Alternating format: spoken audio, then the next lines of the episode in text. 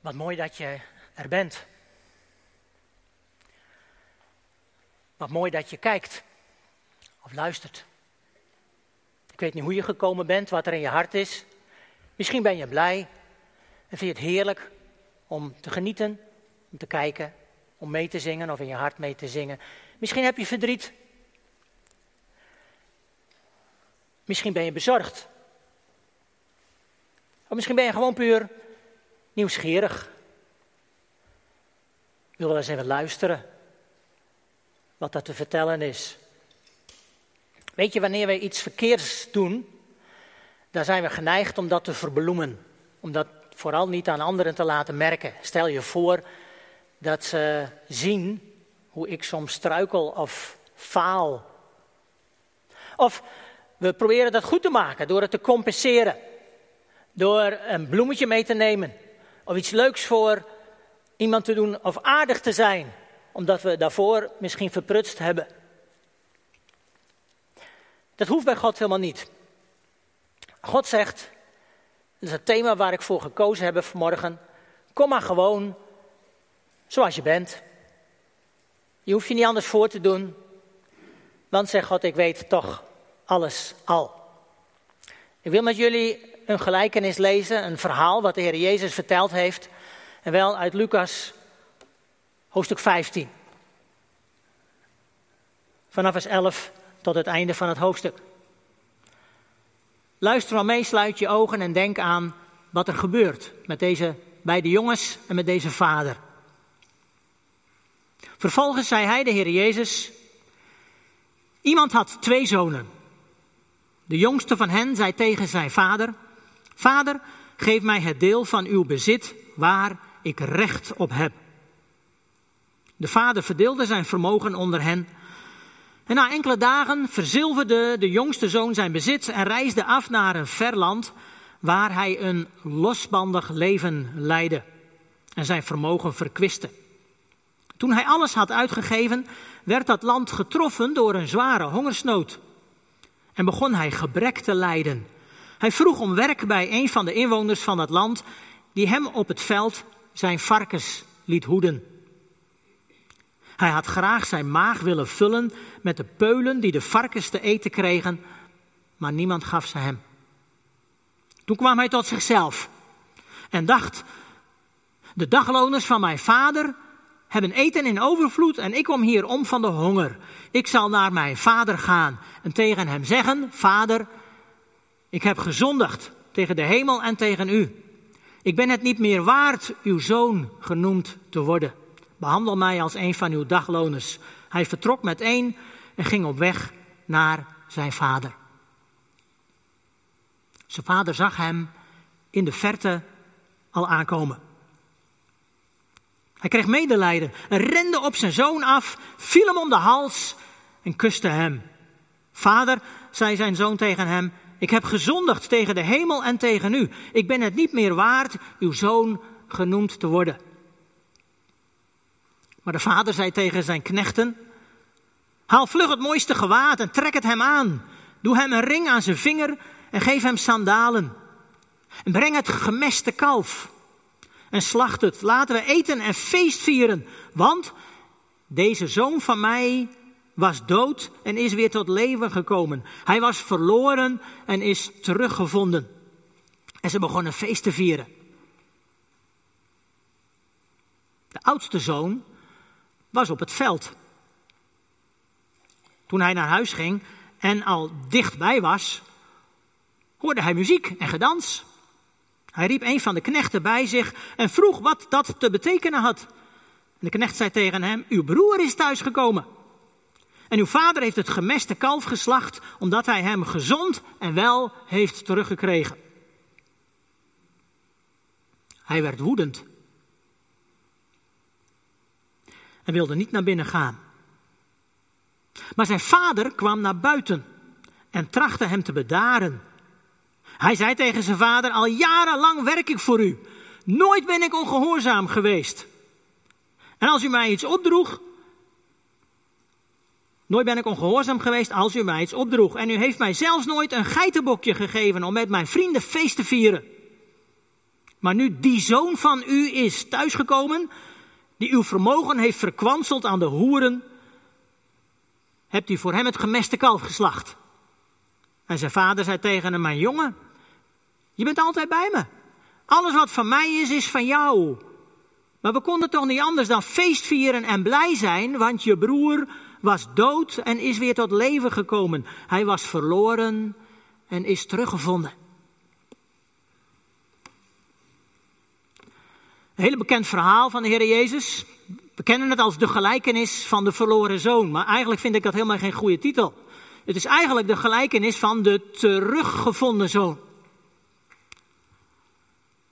Want die jongen waar we dan meestal aan denken, die het bezit er doorheen gejaagd heeft en op hangende pootjes terugkomt, die is uiteindelijk degene die gevonden is, die weer tot leven gekomen is, die gered is. Dus misschien kunnen we beter spreken van de gelijkenis van de geredde zoon. Hij wilde genieten van het leven zonder daarbij verantwoording af te leggen aan zijn vader. En hij deed dat zolang het kon, totdat de centjes op waren. En toen kwam hij tot inkeer. Ik denk dat hij al heel, heel veel heeft gerepeteerd in zijn hoofd wat hij zou zeggen tegen zijn vader. Ik lees het nog eens een keer, vers 18 en 19. Ik zal naar mijn vader gaan en tegen hem zeggen: Vader, ik heb gezondigd tegen de hemel, tegen God en tegen u. Ik ben het niet meer waard uw zoon genoemd te worden. Behandel mij als een van uw dagloners. Dat wilde hij zeggen en hij zei het ook bijna helemaal bij zijn vader. Het laatste zinnetje gaf zijn vader hem niet meer de kans om uit te spreken. Geen verontschuldigingen aan zijn vader. Geen bloemetje wat hij meebracht. Van nou, pa, daar ben ik weer. Geen mooi praterij. Hij kwam gewoon thuis zoals hij was toen. En hij maakt het niks beter. Je ziet het voor je. Hij dacht natuurlijk, vader is boos. Die gaat me straffen. En uh, ik mag vast niet meer zijn zoon zijn. En dat kan ik me wel voorstellen. Ik heb het ook niet verdiend. Ik heb te veel verkeerd gedaan. Ik ben te slecht.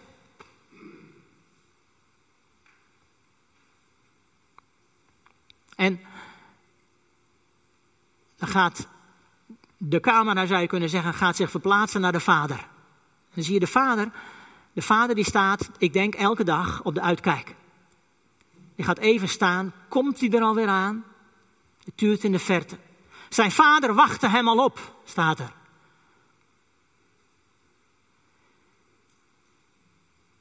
Die vader die miste zijn zoon. En die wilde elke dag graag dat hij thuis kwam. Wij hebben het meegemaakt dat onze oudste dochter weggelopen was van huis. En dat we haar een dag en een nacht kwijt waren. Dan word je enorm bezorgd als ouders. We waren dat ook. En toen ze de volgende dag belde, dat ik haar op kon halen. Toen zat ze bij me in de auto toen we naar huis reden. En toen stelde zij mij de vraag: Papa, mag ik nog wel thuiskomen? Nou, dat gaat je dwars door alles heen. Als je kind dat vraagt, mag ik nog wel thuiskomen? Ze besefte dat ze het eigenlijk verprutst had. Wat doe je dan als ouders? Ga je dan een preek houden tegen je kind?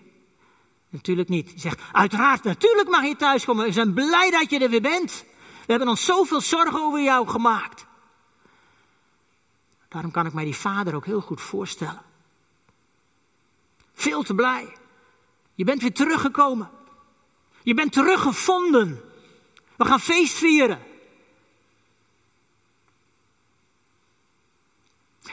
Velen van ons zijn opgegroeid in een christelijk gezin, in een christelijke omgeving. Sommigen hebben de keus gemaakt om een eigen weg te gaan. Ik bedoel dan niet zozeer een eigen weg anders dan die je ouders je hebben geleerd, maar een eigen weg waarvan je eigenlijk weet dat dat niet de weg is die God met jou voor had. En misschien, misschien ga je niet meer naar de kerk of bijna niet meer naar de kerk. Zit je nu te kijken en denk je, nou, ik kijk af en toe wel, maar het hoeft voor mij niet meer zo. Misschien staat je geloof op een laag pitje. Ach, zit je hier wel. Maar dat zie je aan de buitenkant natuurlijk niet. Dan ben je afgedwaald van God. Dat kan op zoveel manieren. Misschien ben je teleurgesteld. Teleurgesteld in God. Of teleurgesteld in de kerk. Misschien ben je teleurgesteld in christenen. Dat komt heel vaak voor. Christenen maken ook fouten. Zoals die man die jaren niet meer in de kerk geweest was, alleen als kind. Het was de jaar of veertig, toen dacht hij, nou wil ik het toch weer eens proberen. En hij ging in de kerk, er kwam een heel vroeg, een kwartier van tevoren zat hij er al. En toen zat hij op een plekje en toen kwam er iemand binnen en die zei, uh, dat is mijn plek, wil je ergens anders gaan zitten? En toen ging die man verkassen naar een andere plek. En er kwam weer iemand en die ging op die plek zitten. Die zei, dat is mijn plek, wilt u op een andere plek gaan zitten? Tot drie keer toe, moet je je voorstellen. En toen is die man eruit gelopen, de dienst was nog niet begonnen. Hij zegt, ik ben niet welkom. En hij is nooit meer in de kerk geweest. Zo'n kleinigheidje. Voor hem was dat genoeg. Teleurgesteld. En ik kan me zo goed voorstellen. Misschien ben je afgedwaald. Afgedwaald door vrienden die hebben meegenomen naar plekken die niet helemaal goed waren. En het heeft zich voortgezet in jouw leven. Of afgedwaald door gewoontes die zich hebben genesteld in jouw leven en je weet dat het eigenlijk niet goed is, maar ach, het is zo mooi of je kunt er niet meer zonder. En het heeft je afgetrokken van een levende relatie met God. Oh, de meeste van ons hebben dat als tiener meegemaakt. Dat je als tiener even lekker de kont tegen de krip gooit. Dat je lekker dwars bent en niet meer wilt wat jouw ouders willen en al helemaal niet naar de kerk wilt. We eigenlijk ook een soort verloren zoon, verloren dochter, die thuis mag komen. Misschien zit je hier wel, of kom je wel naar de kerk, maar ben je van binnen lauw geworden. Af, misschien wel koud. Aan de buitenkant ziet niemand dat, maar het, is in je hart.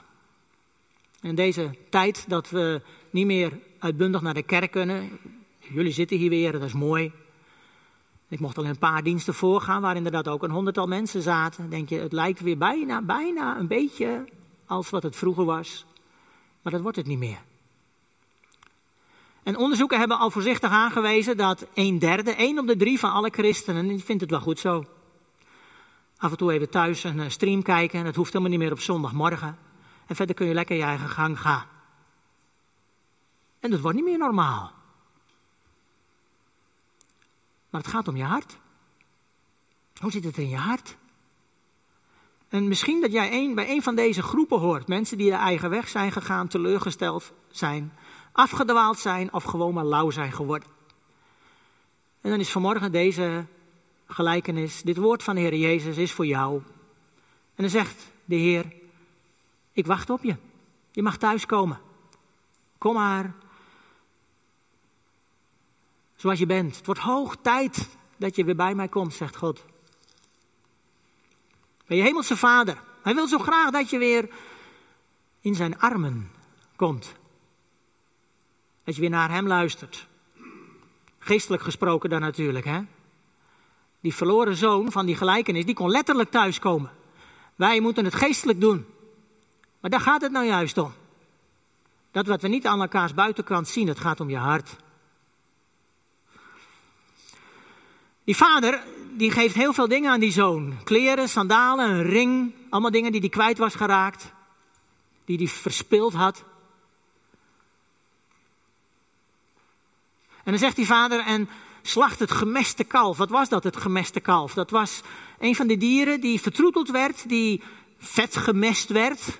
En speciaal bewaard werd voor een gelegenheid. Of eigenlijk moet ik zeggen, voor een speciale gelegenheid. Dan moest het gemeste kalf gehaald worden. Dat was dus het, het lekkerste vlees wat er was, zeg maar in huis.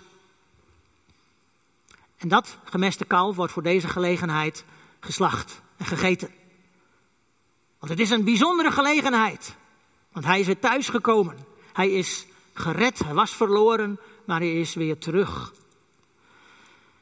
Ik dacht, eigenlijk heeft God de Vader dat ook gedaan. Hè? Dit is ook het mooiste wat hij had opgeofferd.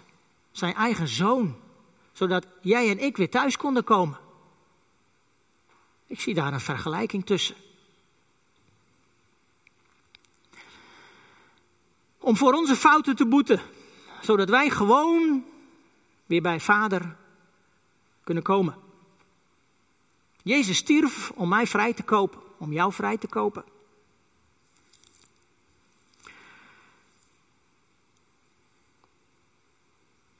En als we verkeerde patronen hebben opgebouwd in ons leven, en wie heeft dat niet van ons? Als je gewoonten in je leven hebt waar je moeite mee hebt om af te leren, zeg het maar gewoon tegen de Vader. Want zo kom je thuis. Dat je het gewoon in je hart tegen hem kunt zeggen.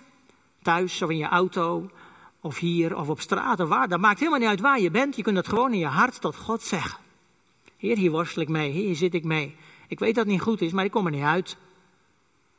En daarom is het vaak ook nodig dat je eens met een ander erover praat. Met een medemens. Een broer, een zus in het geloof. Een christen die jou ook kan helpen om die weg weer te vinden. Terug naar de Vader.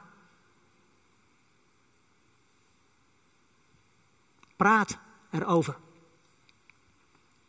Toen ik een middelbaar voorganger was, uh, toen preekte ik eens ook over deze gelijkenis. Dit verhaal van Jezus. En toen zat er in het publiek uh, iemand die ik nog niet kende. En dat was de directeur van de gevangenis. We hebben een gevangenis in Middelburg. En de directeur die kwam in de dienst. En die kwam naar de dienst naar mij toe. En hij zei, ik ben die verloren zoon. Dit was voor mij. En ik kende de hele beste man niet. En ik weet ook nog steeds niet waarom, hij heeft mij dat niet uitgelegd, waarom hij zich die verloren zoon voelde. Maar daarna is hij steeds weer in onze dienst gekomen. Tot hij helaas zo dement was dat hij de weg niet meer kon vinden naar ons gebouw. En een paar jaar later is hij gestorven, maar hij was thuis. Hij was thuis gekomen. Kom zoals je bent. Het kan gewoon bij God in jouw eigen taal. Voor mij is dat het Fries. Ik ben een echte Fries. En ik heb thuis ook geleerd, dat, zo ging het bij ons thuis, om gewoon in het Fries te bidden. Tot God. Ik kom soms Friesen tegen en die vinden dat oneerbiedig. Ik denk, dat doe je toch niet? God is zo heilig, die kun je niet in het Fries te woord staan. Dan moet je toch wel een hoog Nederlands toespreken. Ja, dit is niet grappig bedoeld. Zo denken mensen soms over God. Dan denk ik, nee, wacht even. Je mag gewoon komen bij God zoals je bent. Gewoon met de, de woordenschat die jij hebt. Met het taalgebruik wat je elke dag gebruikt. Zo mag je gewoon bij God komen. Want hij is jouw vader, jouw hemelse vader. Ach, hij weet toch al lang alles van jou. Hij kent je, je woorden, je gedachten. Hij weet het allemaal al. Hij wil zo graag dat je thuis komt. Ik weet het nog, het was heel lang geleden dat mijn ouders dus op de Veluwe op vakantie waren. Rix, je kent het verhaal vast ook wel dat mijn vader en moeder daar op hun vakantie naar de kerk wilden. Ze kwamen bij de kerk en de koster stond zo in de deur met open armen. Niet om hen welkom te heten, maar om hen te keren. Ze mochten niet naar binnen. Waarom niet? U heeft een broek aan en u heeft geen hoofdbedekking op. Dat zei hij tegen mijn moeder. Ze mochten er niet in. Het was een kerkdienstloze zondag voor mijn ouders. Zoals er weinig geweest zijn in hun leven. Je mag komen zoals je bent. Ook al is het in spijkerbroek of korte broek of gerafelde hemd of oorbel. Of, het maakt God helemaal niet uit.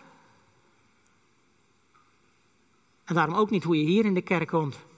En helemaal niet hoe je thuis zit te luisteren of te kijken natuurlijk. Dat ziet toch niemand? Ja, God wel. Dat ziet God allemaal wel natuurlijk, maar dat maakt hem niet uit. Hij, hij wil graag dat je hart bij hem thuis komt. Nou, je zeggen, het is een bijzonder verhaal. En die jongens weer thuis, het is eind goed, al goed. Nee, het is maar de helft van de gelijkenis, de helft van het verhaal. Want dan komt het tweede stuk. Die tweede zoon, die oudste zoon, die is er ook nog. Die valt misschien niet zo op, maar misschien lijkt jij meer op die oudste zoon. Die grote broer, altijd braaf, sprong nooit uit de band, nooit te laat thuis, altijd heel precies. Zo was ik als tiener. Ik ging nooit uit. Ik kwam dus ook nooit te laat thuis, in tegenstelling tot mijn broers. Er waren mijn ouders weer boos, dan waren ze niet op mij, wat dat betreft. Ik ging nooit naar de, hoe noemen we dat vroeger, naar de disco. Deed ik dat voor God? Was ik daarom zo braaf? Nee, eigenlijk niet. Ik deed dat eigenlijk voor mezelf, want dat was mijn karakter. Zo zat ik in elkaar. Ik denk ook zo zat die oudste broer in elkaar. Een feest vieren voor God, dat ken ik eigenlijk niet.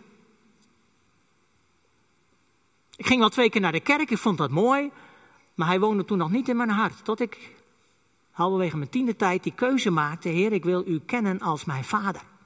Ik wil zelf in Jezus geloven. Niet omdat mijn ouders dat me hebben geleerd, maar omdat ik zelf die keus maak. En toen kwam ik thuis. En sindsdien heb ik nooit meer getwijfeld aan het feit dat God mijn hemelse vader is. Oh, ik dwaal ook wel eens af. Ik doe ook wel eens dingen die niet naar Gods wil zijn. Maar dan mag ik weer thuiskomen en gewoon tegen vader zeggen. Was ik slecht? Nee. Maar ik wilde mijn eigen leven in handen houden. Tot ik op het punt kwam en het over kon geven aan God. En zeggen: Heer, u moet mijn leven maar vullen. U moet hem maar leiden. Eigenlijk, als je deze gelijkenis, het verhaal van Jezus leest, dan is eigenlijk die tweede zoon de verloren zoon. Hij blijft buiten. Want opnieuw komt zijn vader naar buiten, hè? Om hem ook naar binnen te halen voor het feest. Maar hij wil niet. Ben je hem al? Voor mij is er nooit een feest georganiseerd. Eigenlijk zegt vader, het is altijd feest. Omdat je bij mij bent. En die oudste zoon die blijft buiten. Die wil niet deelnemen aan het feest van zijn jongste zoon. Hij moet nog thuiskomen. Hij begreep zijn vader niet. Hij wilde niet vieren. Hoe is het met jou? Op wie lijk jij het meest? Op de jongste zoon of op die oudste zoon? We hebben allebei misschien wel wat van beide. Misschien lijk je meer op de een of op de ander. Beiden mochten thuiskomen. Beiden hadden een warm plekje in het hart van vader. Als ouders, als je kinderen hebt gekregen van God, als, als ouders, dan hou je van al je kinderen evenveel. Als het goed is. Er staan zelfs in de Bijbel voorbeelden dat een kind voorgetrokken wordt. Ja, dat gebeurt. Wij maken daar ook fouten in. Maar elk kind is uniek in karakter en toch hou je van elk kind evenveel. Dan hebben ze allemaal een eigen benadering nodig in de opvoeding. En zo'n persoonlijke band wil God graag met jou en mij allemaal hebben. En weet je, dat maakt het leven tot een feest. Dat is eigenlijk het feest wat de vader aan de jongste zoon geeft. Dat je die relatie met hem zo kent en doorleeft en beleeft. Dat je tot je doel komt in dit leven. Dat is eigenlijk wat er achter deze gelijkenis zit. Weet je aan wie, God deze gelijk, aan wie Jezus deze gelijkenis vertelt? Dat staat in die eerste versen aan de schriftgeleerden en de fariseeën. Toen ze zagen dat de tollenaars en de hoeren kwamen bij Jezus. En dat die blij werden van die ontmoeting. En die fariseeën en tollen zeggen, oh, wij zijn niet zo slecht, wij hebben dat helemaal niet nodig. Ben je al thuis gekomen? Heb je die stap al genomen? Kom maar. Kom maar. Gewoon zoals je bent.